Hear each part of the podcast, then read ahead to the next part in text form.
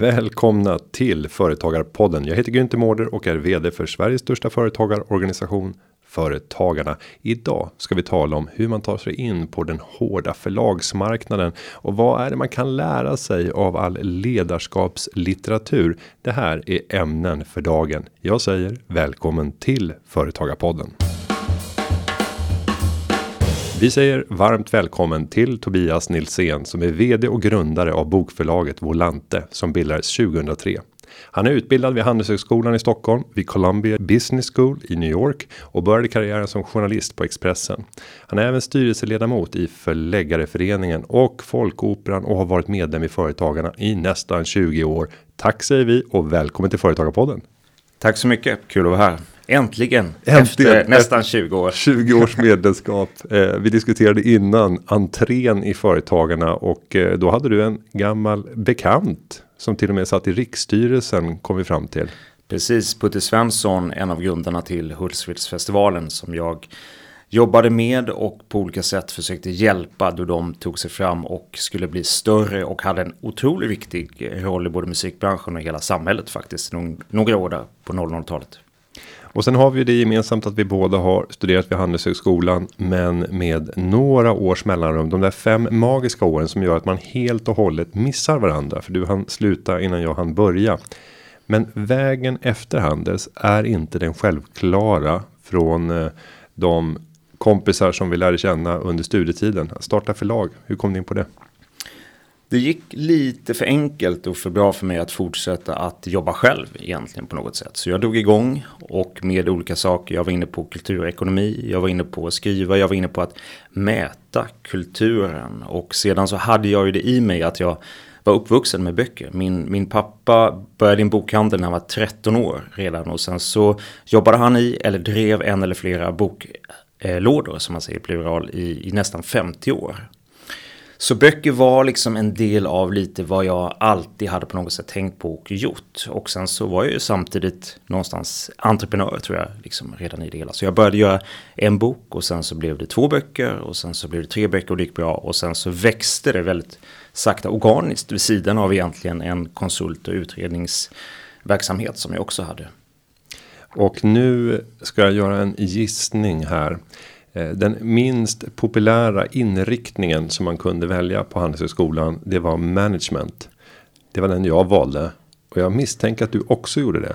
Nästan. Den hette redovisning och finansiering. Jaha, men det är ju verkligen den, en av de mest populära tillsammans med finans. Okej, okay, men det kanske var i mitt fall det mest oväntade. Och det ja, där hänger väl ihop. När jag, skulle, när jag sa upp mig från Expressen så sa en, en av mina kollegor sådär bara, ja jag kan ju förstå att du skulle börja plugga men att du skulle vara handel. Så jag tänkte att du kanske skulle börja på läsa litteraturvetenskap eller någonting. Men eh, i mitt fall så kändes det inte helt otroligt och varför jag valde redovisning och finansiering var ju också det på något sätt som jag kunde minst om. Mm. Det som jag hade liksom minst intuitivt för att förstå och känna. Jag var, hade bra koll på marknadsföring och kommunikation, jag hade bra koll på management, i alla fall liksom den typen av saker då teoretiskt och sånt där. Så att vad behöver jag förstärka? Och då var det det. Och sen så har jag faktiskt, har jag haft nytta av det genom bolagsdrivandet eh, själv på så sätt. Men jag gick ju inte in mot finansbranschen. Nej. Om vi då tittar på att starta ett bokförlag 2003. Det här är precis i den där brytgränsen då allting började digitaliseras på allvar. Och det har ju inte varit sötebrödsdagarna nu får du rätta mig om jag har fel, men för bokbranschen om vi inte säger i tryckt form, utan vi har transformerat och läser allt mer på skärmar. Vad kan, vad kan man säga om tajmingen? Var det rätt timing att starta förlagsbusiness 2003?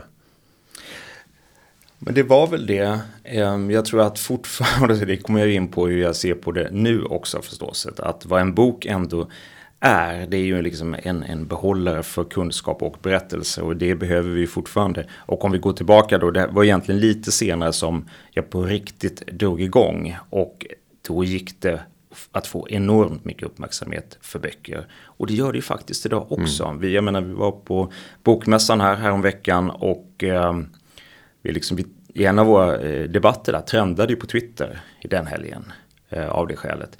Så eh, det funkar fortfarande. Sen så är det förstås så att om jag hade legat 20 år före tiden med vad jag hade, vad jag hade gjort. det hade gått bättre. Det, mm. det kan jag nog ändå känna. Om vi nu tittar på vad som finns på förlaget så är det väldigt mycket eh, ledarskapslitteratur. Det är eh, väldigt mycket akademiskt sprunget material. Berätta om utbudet och tankarna bakom att bygga det här utbudet som ni har i dagsläget.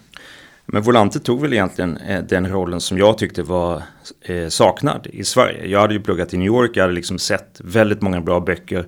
Kanske inte ledarskapsböcker utan böcker för ledare, böcker om psykologi, böcker om hur vi tänker. Eh, och därmed också hur vi fungerar som, som ledare egentligen och eh, företagare förstås eh, också. Så jag såg att det här var liksom en missad nisch och i de fallen man översatt och gjorde vissa saker i Sverige så var det fulare, det var långsammare och liksom inte alls samma känsla eh, kring det hela.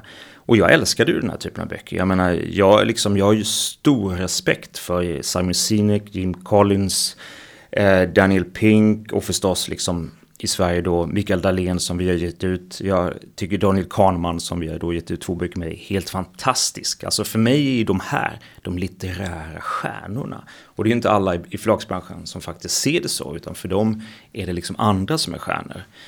Eh. Och tittar man till stjärnor så förlägger ni fyra stycken tidigare Nobelprisvinnare. Faktiskt ännu fler. Ännu fler. Ännu fler, ja. sex. Och det coola i det lite. Ja. Och faktiskt det som säger någonting om oss på Volante. Det är att det finns ju ingen Nobelpristagare av dem i litteratur. Utan det är ju andra fält. Det är två ekonomi. Sen så har vi fysik. Vi har eh, medicin. Eh, och fred.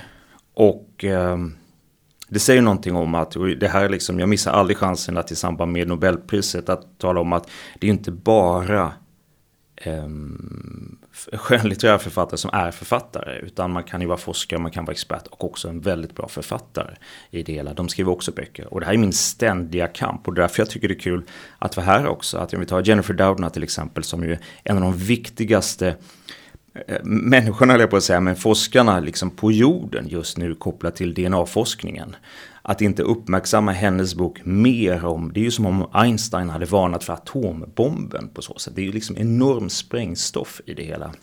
Så för mig, det är ju viktiga böcker, det är viktiga saker som sägs. Och jag ser ju att det här är ju enorma människor egentligen faktiskt, som bidrar till, till mycket. Så att jag är ja, glad att hänga med dem, glad att vi får ge ut dem.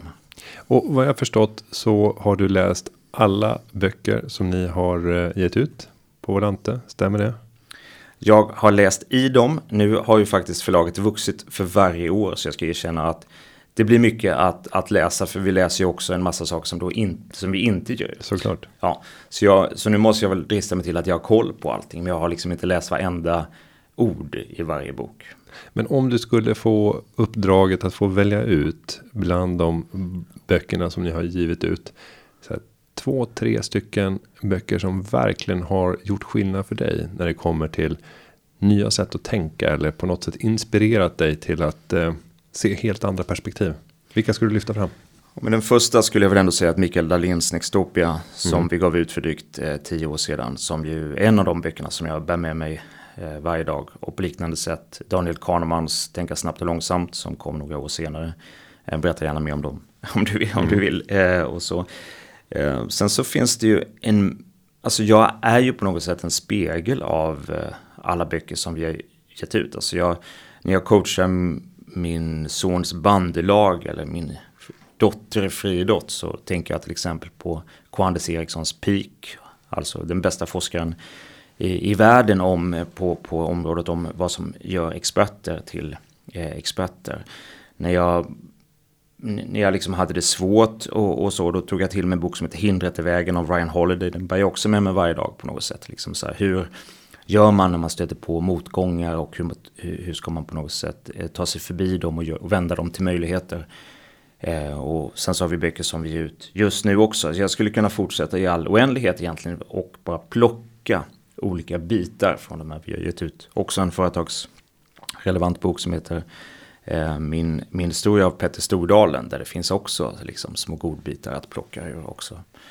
Eh, vi, pratade om, vi nämnde Jan Karlsson, hans förmåga att se människor och också liksom små tips där. Jag menar, han brukar prata om vikten av uppföljning, vikten av att liksom ge en tight brief. Eh, och sådana där grejer. Alltså det, och ibland så ska jag erkänna att jag har svårt att skilja på vad som kommer i mötena med vissa av de här personerna och faktiskt vad som står i boken. Men det står ju så enormt mycket i de här böckerna. Och för mig så, ja det finns inget så prisvärt som en bok. Man kan nästan bara slå upp eh, de här, läsa några sidor och det är värt eh, faktiskt kostnaden för dem tycker jag. Så det, här, det finns enormt mycket värde i dem. Om man tänker på det företagande som du bedriver så är det så att allt ni säljer är ju menat att på olika sätt beröra och eh, det får mig att tro att ni får rätt mycket reaktioner också från de som konsumerar och läser böckerna. Ehm, är det är det så att man får mer uppmärksamhet om man är i eh, förlagsbranschen eller kommer den här uppmärksamheten direkt till författarna och utan att passera förläggaren? Båda två, i många fall så, nu är ju alla ganska lättillgängliga så i många fall så kommer de ju direkt till författaren. Mm. Men vi har ju, vi har, vi har ju ett, vi har ett gäng exempel på personer som faktiskt har knackat på dörren, lämnat över handskrivna brev eh, och sådär. Eh, det är, och sen så ser vi också, vi är med på vissa av de mötena, vissa av de mässorna eh, där författarna är med och då ser vi också alla möten och sådär. Men jag tror att vad vi ser dock, det är väl egentligen den medieuppmärksamheten och de debatterna ibland som kickar igång. Och eh, vi ser förstås vad som skrivs och nämns om dem. Och det är klart att om man har varit med och tagit fram någonting som har faktiskt satt sig, det kan vara något begrepp, vi nämnde Nextopia till exempel, till ehm, ja, vad ska man säga, nya perspektiv, ehm, saker och ting som på något sätt vi märker, vrider om diskussionen i samhället på något sätt det är faktiskt väldigt, väldigt häftigt att man är med och gör skillnad på det sättet. Vad händer i dig då? När du märker att någonting börjar bubbla och nya tankesätt börjar sätta sig i allmänhetens uppfattning. Att, att det är värt det hela, tror jag. Mm. Liksom en känsla av att, att eh, eh, ja, ny energi. Eh, hela tiden fortsätta vidare, gå vidare och se att, att det är värt det hela. Och det är klart att man på något sätt med, med några års perspektiv nu kan fundera på vad, vad har man gjort för skillnad egentligen? Men det finns en mängd olika små bitar som jag kan se där vi, där vi har varit med. Och vad är, vad är utvecklingen om inte just det här staplade händelser, staplade perspektiv, skiften, nya ord överhuvudtaget på, på så sätt. Så det är ju liksom, det är sällan att det är en sak som spelar så stor roll som typ pandemin gjorde, utan allting annat liksom byggs ju på. Vi är ju med och bygger, vi alla. Du bygger med din podd och din verksamhet och, och jag på mitt håll och sånt där. Så att eh, det, det är bra, vi hjälps åt. och eh, pandemin som vi har upplevt nu under det senaste ett och ett halvt året. Ja, ni har redan kommit ut med boktitlar på ämnet. Jag såg minst två stycken som direkt eh, var kopplade till pandemin. Är det ännu fler? Ja, men nu har vi eh, nog dragit i handbromsen där. Vi var med och gjorde den engelska utgåvan av Corona Express av Kjell Nordström och Per Schlingman. Eh, och det är ett sånt exempel på en, på en titel som, som kommenterar eh, det. Nu tror jag att vi kommer, apropå Nextopia, nu kommer vi vilja gå vidare. Mm. Nu kommer vi vilja se framåt. Så nu är det liksom stopp för C-orden, covid och corona i det här läget. och, men däremot så finns det ju mycket ändå att säga om detta. Vi har nystart, vi har utmaningar eh, och eh, hur, hur, vi jobbar, hur vi ska tänka och också ett stort läge att faktiskt ta tag i nya stora frågor. Vi märkte ju det att vi släppte ju böcker, alltså riktigt bra böcker, alltså om klimathotet, om liksom nya rön och sånt där. Förra året till exempel som helt föll bort för vi hade liksom i förmågan i samhället att vi, eller på individnivå, vi tänkte inte på någonting annat egentligen än att klara oss och tänka på ja, coronatal och så vidare. Så mm. det, var, det var svårt. Om vi då tänker på vad den här tiden har gjort med oss människor när det kommer till läsandet och för bokbranschen och sen kanske selektera den frågan i vilka delar av bokbranschen. För nu är det managementlitteratur och där kanske det ser lite annorlunda ut. Men om du ska beskriva de senaste ett och ett halvt åren utifrån ett branschperspektiv. Vad är det som har hänt med era kunder? Konsumerar man mer, mindre, på vilket sätt? Bra fråga. Man brukar prata om att det har varit bra för böcker detta. Men som jag sa så var det svårt att på något sätt väcka liv i nya frågor. Det är ungefär som med varumärken. Man, eh, man brukar säga att, att i en kris så går det bra för eh, väl liksom eh, eller varumärken som är kända. Det är svårt att sätta, sätta nya. Så så var det. Det var svårt också för utländska eh, författare att ta sig hit, träffa media och göra event med dem. Och vi lever ju bokbranschen för oss är mycket en eventbransch. Dels så jobbar vi med en talagentur och på något sätt att sätta författare på, på scen. Men det handlar också om att få igång samtal om böcker. Och det måste på något sätt ske så. Så att det var relativt eh, svårare eh, under pandemin. Sen så tror jag att det gjorde att folk stannade upp och tänkte till. Våra två bästsäljare förra året var faktiskt två böcker av eh, två filosofer. Dels eh, Jonna Bornemark eh, Eh, som skrev om eh, omdöme, om osäkerhet i horisonten finns alltid kvar. Och Martin Hägglund eh, som skrev eh, Vårt enda liv som blev, ja, båda, båda blev enormt eh, uppmärksammade och sånt där som ju handlar om livet. Alltså på något sätt, vad vill vi med det? Hur, eh, och eh, ja, li, lite mer djupare frågor om, om man säger så på så sätt som slog an. Och du nämner i förbifarten samarbete med tala talaragentur. Eh, är det till och med så att ni har in, införlivat en del av det här i er business? Det har vi. Det är självständiga eh, verksamheter på så sätt. Absolut. Som i sig ska vi ska tjäna pengar på. Och författarna och talarna som vi jobbar med också ska tjäna pengar på det. Och om man då tänker hur man kan göra för att bygga det moderna förlaget och kunna få ut krafterna som finns i alla nya kommunikationskanaler. Hur väljer ni att positionera er i förhållande till hela det digitala samtalet för att få ut det budskapet som ni vill kopplat till böckerna som ni förlägger? Ja, men du är inne på det centrala här. Det handlar om, om budskap egentligen. Vad finns det här som vi kan ta ut? Och där är ju böckerna en del. Det är ofta grunden för det hela. Det är ofta så också diskussionen med författaren börjar. Vad har vi här? Och den är ganska liksom, den är väldigt central. Vad är det du vill säga egentligen? Om det är någonting som du vill få ut, vad är det? Och försöka liksom skala av det och, och så. Och då blir liksom hela den processen också att ta fram den här boken blir också i, i sig väldigt viktig.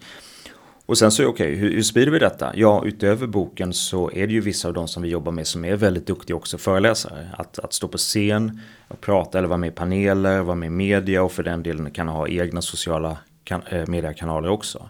Och då vill vi ju att det ska spela över där eh, också. Så det här, jag tror man måste se det här som en, en helhet idag. Att böckerna i sig kan göra eh, en sak men att man bör tänka bredare. Och det är så vi vill göra i varje fall. För att nå ut. Och då funderar jag över just det här stjärnsamhället som vi lever i. Där det är väldigt fokus på varumärket och personerna bakom och deras närvaro och relation med människor som kan bli potentiella kunder. Går det för en duktig författare med bra innehåll oavsett om det är facklitteratur eller om det är, är skönlitteratur. Att lyckas om man är introvert. Om man är helt ointresserad av att delta i relationer med de människorna som man förväntas köpa. Går det i dagens läge? Ja men det går och det är väl egentligen därför vi som förlag finns till. För att vi ska då vara med och bära ut det helt, hela tiden. Och sen så för att om någonting är bra, det är inte givet att det når ut. Men det ökar ju chansen faktiskt för någon typ av mun mot mun marknadsföring i det hela. Och det har jag sett exempel på att det har dragit igång eh, i några fall där fler och fler har upptäckt att det här var bra. Både egentligen mer åt det skönlitterära och för den delen också facklitterära, rätt okända ledarskapsforskare som ju har skrivit någonting som liksom successivt och kontinuerligt fortsätter att sälja, väcka uppmärksamhet för att man ser oj, det här var bra, det här var på riktigt bra. Om vi nu tar ett steg tillbaka och börjar titta på företagsresan som du har gjort eh, och försöka inta ett helikopterperspektiv. Vad är du mest stolt över när det gäller ditt företagande? Kanske att man fortsätter år efter år hela tiden. Och ehm, eh, som jag tycker gör bra saker egentligen. Jag menar det handlar ju från ett företagarperspektiv handlar det om att man ju faktiskt har folk då anställda och eh, sysselsätter en del av samhället sett bokutgivning. Det som jag var inne på tidigare att vi faktiskt försöker på riktigt eh, göra bra saker. Jag menar vårt motto är ju att bidra till en klokare och roligare värld. Det är ju vårt varför eh, i det hela apropå det. Simon Siniks bok här, Fråga först varför, Start with why. Så, eh, och sen så att det inte bara är liksom ett kort tag, det är inte en titel, utan det, är liksom, det, är, det bör bli många, många böcker. Vi har sålt liksom en och en halv miljon böcker, vi har gett ut liksom flera hundra titlar. Och eh, jag, jag, tror faktiskt vi på riktigt har varit med och eh, gör skillnad i det läget. Det, det är jag lite stolt över.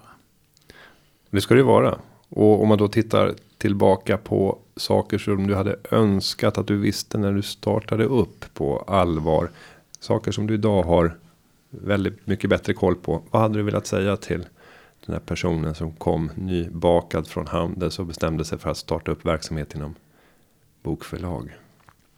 Kanske ta lite mer hjälp. Eh, jag tror jag är väldigt präglad av eh, som så här, smålänningen, småföretagarsonen som eh, ska klara allt själv och liksom eh, göra så. Jag, alltså jag, jag hade ju aldrig jobbat på förlag när jag drog igång. Jag har ju fortfarande aldrig jobbat på förlag som inte är mitt eget. Utan allting som ju jag har, har liksom gjort har jag lärt mig själv. Eh, och förstås för den delen av väldigt bra medarbetare också som i vissa fall då kommer från andra förlag och sånt där. Men det har ju varit en lite längre resa skulle jag säga för att jag var tvungen att lära mig så mycket från början. Å andra sidan, det, den, liksom, den, den andra sidan av det myntet är ju att vi kanske har tänkt lite annorlunda, gjort saker och ting lite nytt, utmanat branschkonventioner och det i sig har gjort att vi faktiskt har blivit liksom eh, framgångsrika. Och jag tänker också att eh, ni på grund av att inte vara färgade sannolikt har gjort saker och ting helt annorlunda. Vad tror du hade hänt om du hade varit inne och gjort tre, fyra år inom Bonnier? Inom förläggarverksamheten. Hade resan sett annorlunda ut? Ja men absolut. Det finns ju en väldigt branschängslighet eh, faktiskt. Det tror jag det finns i alla branscher. Men, men här alltså så här, vad som är rätt och inte rätt. Jag kom ju från ett annat håll. Jag behövde inte bry mig om det och jag litade mig så mycket också på vad jag tyckte var bra och viktigt. Jag menar om vi tar Daniel Kahnemans storverk Tänka snabbt och långsamt. Jag menar vi som ett då väldigt litet förlag lyckades köpa den. Det var ju helt otroligt faktiskt att det var så här tjänstefel av tio förläggare där ute i Sverige att överhuvudtaget missa den. Det är ju helt och den hade redan slagit den på hade, den hade, Ja, den hade redan börjat komma igång då. Mm. Kanske inte blivit så jättestor. Eh, men så det var ju det var ett enormt projekt liksom då att dra igång det. Och apropå det liksom att hitta nya lösningar. Vi satte liksom en, en eh, kommissions royalty-modell med översättaren. Det är liksom unheard of liksom. Utan ofta så betalar man ju på ett visst sätt och sånt där. Så vi trix, för vi hade ingen, eller jag hade ingen finansiering då. Så att jag liksom trixade mig fram till att ändå liksom lyckas göra den här boken på det sättet. Ja, häftigt. Och där kanske kunskaperna i redovisning och finansiering kom till sin rätt också. Absolut, absolut. De har legat och smugit i bakgrunden hela tiden med, med eh, hemmagjorda rätt avancerade Excel-ark eh, med scenarioanalyser och sådär, absolut. Ja. Eh, längs den här resan så har du sannolikt gjort en rad satsningar som du idag nästan har glömt bort. Men då när de gjordes så var det en tanke om att det här eh, innebär en ny möjligheten. Möjlighet att utveckla, förändra. Kan du minnas några sådana sidosteg som du har tagit? Men där du har valt sen att ta ett steg tillbaka och, och släppa den satsningen.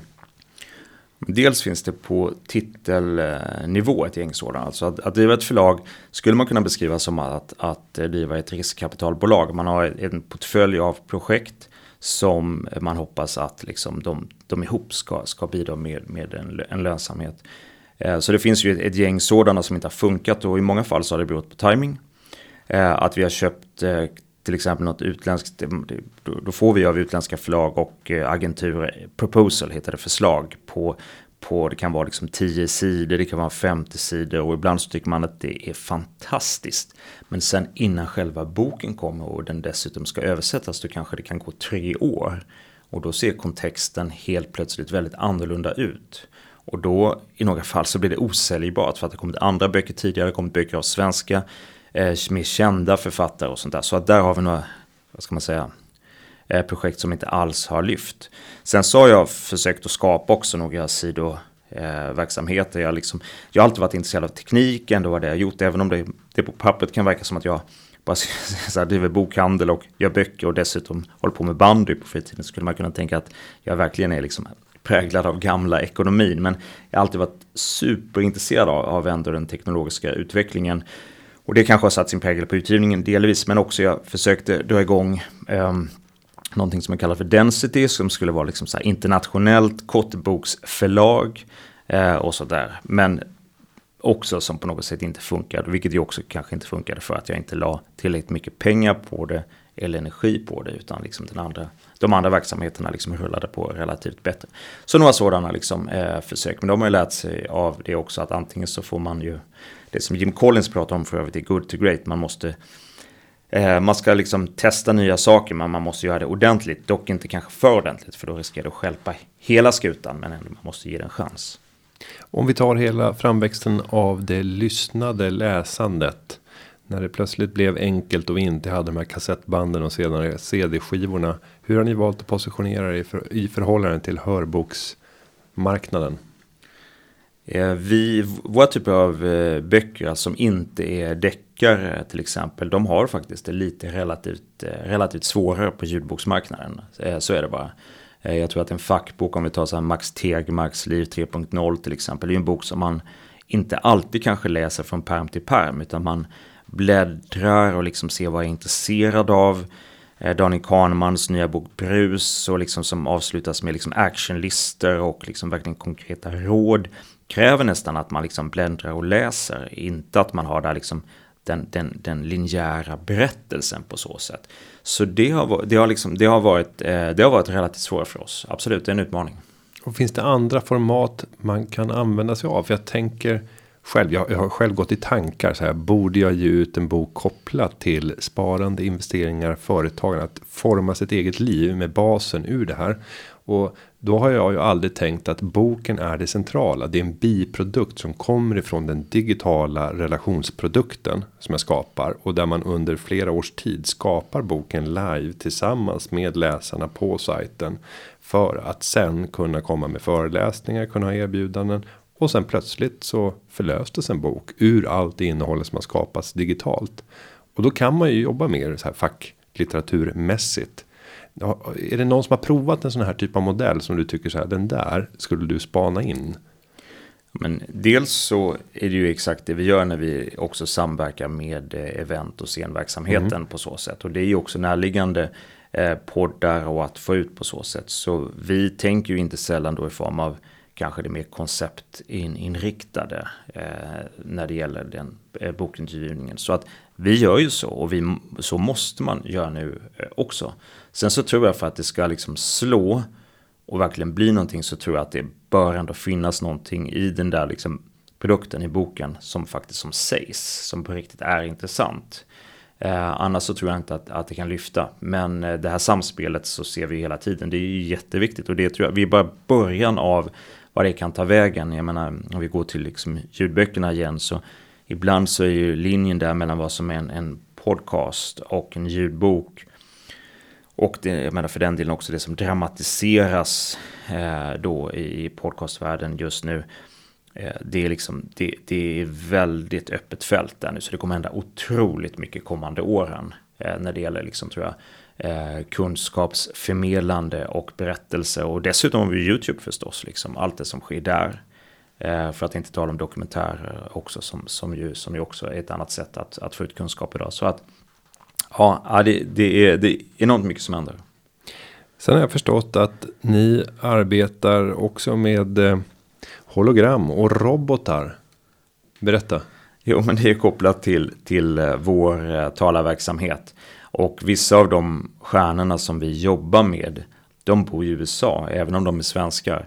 Så bor de i USA, som Max Tegmark till exempel, professor i MIT som ju eh, får först skrev matematiska universum och sen Liv 3.0 kallats världens smartaste svensk ihop med K. Anders Eriksson.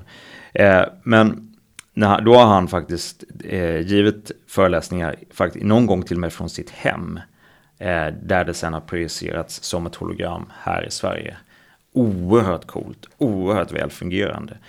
Och det här är ju också på något sätt, apropå vi pratar om nu, under pandemin men också efter pandemin vi kanske har blivit mer eh, faktiskt eh, medvetna om resandet och sånt där så är det klart att är det här det är så som man kommer behöva jobba när det gäller möten och inte minst eh, vad som händer på scen eh, framåt. Ja, det såg vi för den delen med ABBA nu också hur de ska uppträda också i England. Så, mm. så det blir spännande. Det är en teknik som kostar väldigt, väldigt mycket. Eh, det finns vissa risker liksom i genomförandet, eh, vilket hänger ihop med det. Så det kräver, det kräver eh, mycket, det är därför vi inte ser det liksom överallt runt omkring oss. Så det är en förklaring. Sen så är det ju, det är fortfarande så, det märkte jag nu apropå bokmässan, alltså det finns någonting ändå magiskt med det här liksom när man ändå ser författare eller talare möter sin publik i de där momenten. Alltså, det går inte att komma ifrån och det vet vi väl alla som kommer tillbaka att nu till möten efter att ha suttit bakom skärmar så länge. Så ja, det, det, blir en, en fresh start, en, en ny start på många olika sätt. Så, så spännande och intressant och vi kommer vara med. Och jag tänker att eh, i många fall så är det ju en praktisk omöjlighet att kunna få träffa de här författarna. Många har säkert en önskan om, men, men praktiska skäl skapar hinder i vägen. Eh, jag kan ju föreställa mig en värld där man har en lansering på en global nivå. Där man har ett samarbete lokalmässigt med eh, lokaler som har fantastiska förutsättningar för att kunna göra de här sändningarna. Och vi får ju se nu vad ABBA bjuder på för teknik. För det är ju inte hologram. Utan det är en helt annan ny typ av teknik. Um, men tänk att kunna göra en lansering på de, i de 40 största städerna i världen samtidigt. Det är samma anförande på alla platser tanken eh, svindlar ju. Otroligt häftigt. Dock ska man komma ihåg för att kunna göra det, då är det bara stjärnor som klarar av det. Mm. Så i de många fallen så är det ju ändå den, en längre väg för att sätta någonting och sådär. Så att eh, ABBA klarar av det och Max Tegmark kan göra det i, för den delen i, i Sverige. Men eh, det, vi jobbar ju med också alla nya stjärnor och då går det inte att överföra automatiskt. Men eh, absolut, men möjligheterna finns ju på olika sätt. Mm. Ja, och det lyfter de två farorna nu. Det är kostnaderna och de tekniska hindren och problemen som kan uppstå. Men båda de där brukar ju lösas med tiden. Moores lag brukar ju ha en tendens att vinna i slutändan. Eh, under hela den här företagsresan som du har gjort så har du valt att inte ta in något externt kapital. Varför inte? Ett svar på den frågan är väl egentligen, apropå att jag, jag kom från en annan bakgrund. Jag, liksom, jag hörde i en annan podd så pratade ni om just Silicon Valley-modellen och sånt där. Och även min tid på Handelshögskolan var också kanske några år innan allt det där liksom satte sig och blev så som man skulle eh, bygga företag. Och jag är väl också lite så här, jag hyser min allra största respekt för alla företagare där ute som faktiskt har gjort det själv med liksom steg för steg och eh, byggt liksom med eget kapital organiskt. Men eh, visst, det hade varit ett alternativ. Men eh, så här har det blivit hittills. Och, och, och, finns det någonting du kan se att du hade gjort annorlunda? Om det plötsligt hade fått, hade fått en större tillgång till kassa. Och i vilket läge skulle det varit eh, viktigt? Jag tror att när man har kommit igång och liksom visat att man kan, då har man ju ett läge. Så är det ju, absolut. Mm. Så att bevisa först. Och det är det som de flesta inte gör. Man går obevisad för att ta in kapital. Och då blir det oftast väldigt dyrt i form, i form av att man tappar ett väldigt stort del av, av eh, ägandet i tidigt skede. Mm. Om vi nu avslutningsvis ska få fördjupa oss i eh, någon eller några av böckerna. Du har nämnt Nextopia. Eh, förväntanssamhället som Micke Dahlén skrev 2008 tror jag det var.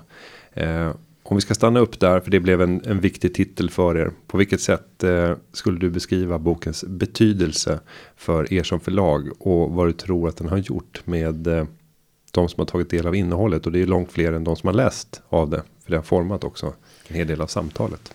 Ja men precis. Och låt mig då först säga att jag brukar inte prata om egentligen ledarskapsböcker i sig utan snarare böcker som kan vara relevanta för ledare. För jag tycker att även en bok om psykologi eller om samhället eller för att förstå samhället bättre också, eller i kanske ännu högre grad, är en bok för, för ledare på så sätt. Så om man inte liksom är intresserad av just hur man organiserar, då kanske det är andra böcker. Och Nixtopia och även då Tänka snabbt och långsamt är ju exempel på sådana böcker. Nixtopia handlar ju om liksom det som Mikael Dahlén gör fantastiskt och det gör han i sin helt nya bok också. Om vi pratar nu hösten eh, 2021. Sifferdjur som han beskriver som eh, nya Nextopia, hans första liksom Nextopia-liknande bok eh, sedan dess. Alltså våra grundläggande mänskliga beteenden. Vad händer med dem då, då samhällsutvecklingen accelererar iväg åt något håll? Och i Nextopia var det så att när allting börjar gå snabbare, när också eh, eh Steve Jobs kläcker koden att vi hela tiden vill ha nästa iPhone eller nästa iPad liksom, vad är det i det som, som på något sätt eh, går igång i det och när vi vill liksom få koll på vad som händer på sociala medier. Vi vill alltid framåt. Eh, det målade ju han liksom upp den här bilden och, och visade konsekvenser av. Men man kunde ju också läsa den där från ett marknadsföringsperspektiv. Väldigt mycket. Så för mig, apropå att jag bär med mig den hela tiden, det är ju så jag liksom på något sätt ser hur vi ska släppa böcker, hur vi ska skapa lite hype, hur vi ska skapa lite buzz. Eh, det gjorde vi väldigt bra med den. Vi hade tre releaser. Först hade vi liksom någon nedräkning, någon counter. Eh, ett halvår innan. Sen så hyrde jag eh, Södra Teatern faktiskt eh, någon månad innan boken släpptes som liksom ett förevänt eh, och sålde biljetter till den med Mikael på scen. Ehm, och en, gammal vän till mig, Fredrik Wikingsson, som ju sen liksom eh, hade sin egen förstås karriär i det hela, var med liksom på, på scen med, med eh, Dahlén efteråt. Och sen så därefter kom boken också ihop med att Veckans Affärer satte den på omslaget som en ny, den, liksom, den nya idén i det hela. Eh, och så. så att eh, det blev fantastisk lansering. Så när jag, alltid när jag anställer liksom, eh, nya på Volante och pratar med dem, det här är obligatorisk läsning, det här är obligatoriskt tänk överhuvudtaget att, att se eh, hur det funkar. Eh, om jag ska få då fortsätta med den andra huvudtiteln som vi var inne på, Tänka snabbt och långsamt av ekonomipristagaren Daniel Kahneman eh, från 2011 det är ju en, en, en, bok som ju, alltså man kommer inte förbi den. Om man inte har läst den eller doppat tån i vad han försöker säga, då, då eh, har man ju, man missar så många möjligheter att liksom säkra upp för egna misstag hela tiden. Det är ju den viktigaste beslut och beteendeboken eh, överhuvudtaget. Alltså det är en sån milstolpe i vår, liksom, i vår historia att förstå hur vi människor fungerar överhuvudtaget. Och han skriver där om system 1 och 2, hur vi tänker och bara det att få syn på att eh, vårt system 1-beteende, vårt automatiska tänkande, att få syn på hur lättlurade vi är, gör ju att man helt enkelt kan börja gardera för det. Alltså, det är ju här han går igenom liksom sak efter sak egentligen. Vi behöver vara mer ödmjuka, acceptera att vi inte vet. Vi konstruerar narrativ som egentligen inte finns där, vilket leder till felaktiga slutsatser framåt och så vidare. Eh, så vi, jag menar, när jag tar de här besluten framåt, det är liksom så här, det är guidat till, jag menar om vi tar ett, till exempel utgivningsbeslut, ett, finns det ett varför, alltså varför vill vi göra det. Två, gå till Kahneman, vilka fallgropar finns i det jag håller på med, liksom, gör jag en ordentlig analys här egentligen. Och tre, vilket hänger ihop med det, räkna på det och, och, och så vidare. Och eh, gå igång. Men, eh, och det jag menar, han fortsätter ju, jag rekommenderar också på riktigt hans nya bok Brus, som ju liksom har satt sin prägel på hur vi öppnar varje möte nu till exempel. Hur jag beter mig mot medarbetarna. Jag ställer alltid, när jag ställer en fråga om, om så här, i en diskussion så säger jag aldrig först vad jag tycker. Utan jag låter liksom andra först säga någonting. Och innan vi överhuvudtaget säger någonting så skriver man allt, tar man 30 sekunder, skriver ner själv vad man först tycker för det är ju så då, vad han visar är ju att, att eh, det är liksom eh, det som den första säger, och framförallt om det är en chef eller liknande, det ankras i diskussionen. Mm. Och man kommer liksom inte förbi det sen. Och sånt där. Så det här, det här är obligatorisk läsning. Man behöver inte läsa det på ett svep. Man kan bara liksom läsa något kapitel då och då, men bara att få syn på detta är, det är oerhört viktigt. Ja, spännande. Och jag, jag har groupthink som man pratar mycket om. Eh, att tacka för, eh, jag tror, en betydande del av, eh, av min karriär och mina möjligheter som har, har getts till mig. Eh, och jag tänkte att jag avslutar med, med den berättelsen. Eh, jag var då 25 år gammal och satt i förbundsstyrelsen för Aktiespararna och dåvarande vdn avgick. Jag var förbundsordförande för unga aktiesparare. Och då kring bordet så sitter det en styrelse som är helt handfallna. vet inte vad de ska göra när vd avgått mitt under finanskrisen. Och sen är det en kvinna med ganska stor eh, pondus som uttalar Günther borde gå in som tillförordnad vd för att bara ordna upp och se till att vi får ordentligt med tid att kunna rekrytera nästa vd. Och att peka på en 25-åring att leda en organisation där det inte finns någon yngre medarbetare. Snittåldern är 65 år på medlemmarna det är ju huvudlöst. Eh, helt huvudlöst. Men hon nickade samtidigt som hon sa det här. Och fick alla andra att då reproducera eller vad säger man? Eh, projicera det egna beteendet. Och nickade instämmande och avsluta med den retoriska frågan. Visst är det en bra idé? Och vad ska man uttrycka? Och hux flux eh, en dag senare så skrev jag på för att bli tillförordnad vd som 25-åring. Helt otänkbart egentligen. Eh, och det banade vägen för många av de möjligheter som jag har fått göra senare. Så att eh, jag ska läsa brus som ligger här på bordet framför mig med, med stor glädje och försöka tänka in i mina egna perspektiv. Ja, men gör det. Och det är, jag menar, ytterligare ett exempel på vilka tillfälligheter som styr våra liv. Mm. Som i efterhand blir liksom de här berättelserna om dem, men som ju faktiskt kanske inte Um, ha, men det gick inte att planera, du kunde inte planera det utan det bara dök upp. Men du fångade upp det och vilket gör att vi sitter här och jag måste ju säga att din du gör ju en nytta idag, inte minst med den här podden. Jag tycker den är jättebra. Men jag ska också kasta med dig innan vi slutar här att ställ lite fler frågor om böcker. Du mm. hade ju till exempel Judith Wohlst som jag, som jag är lite bekant med som, som gäst här. Jag vet hur mycket hon läser. Hon hade säkert kunnat komma med flera boktips. Och ni var inne på den här diskussionen om när på dagen man gör saker och ting. Hade man kunnat ta en referens till boken som heter När eller för den delen till Kahneman också.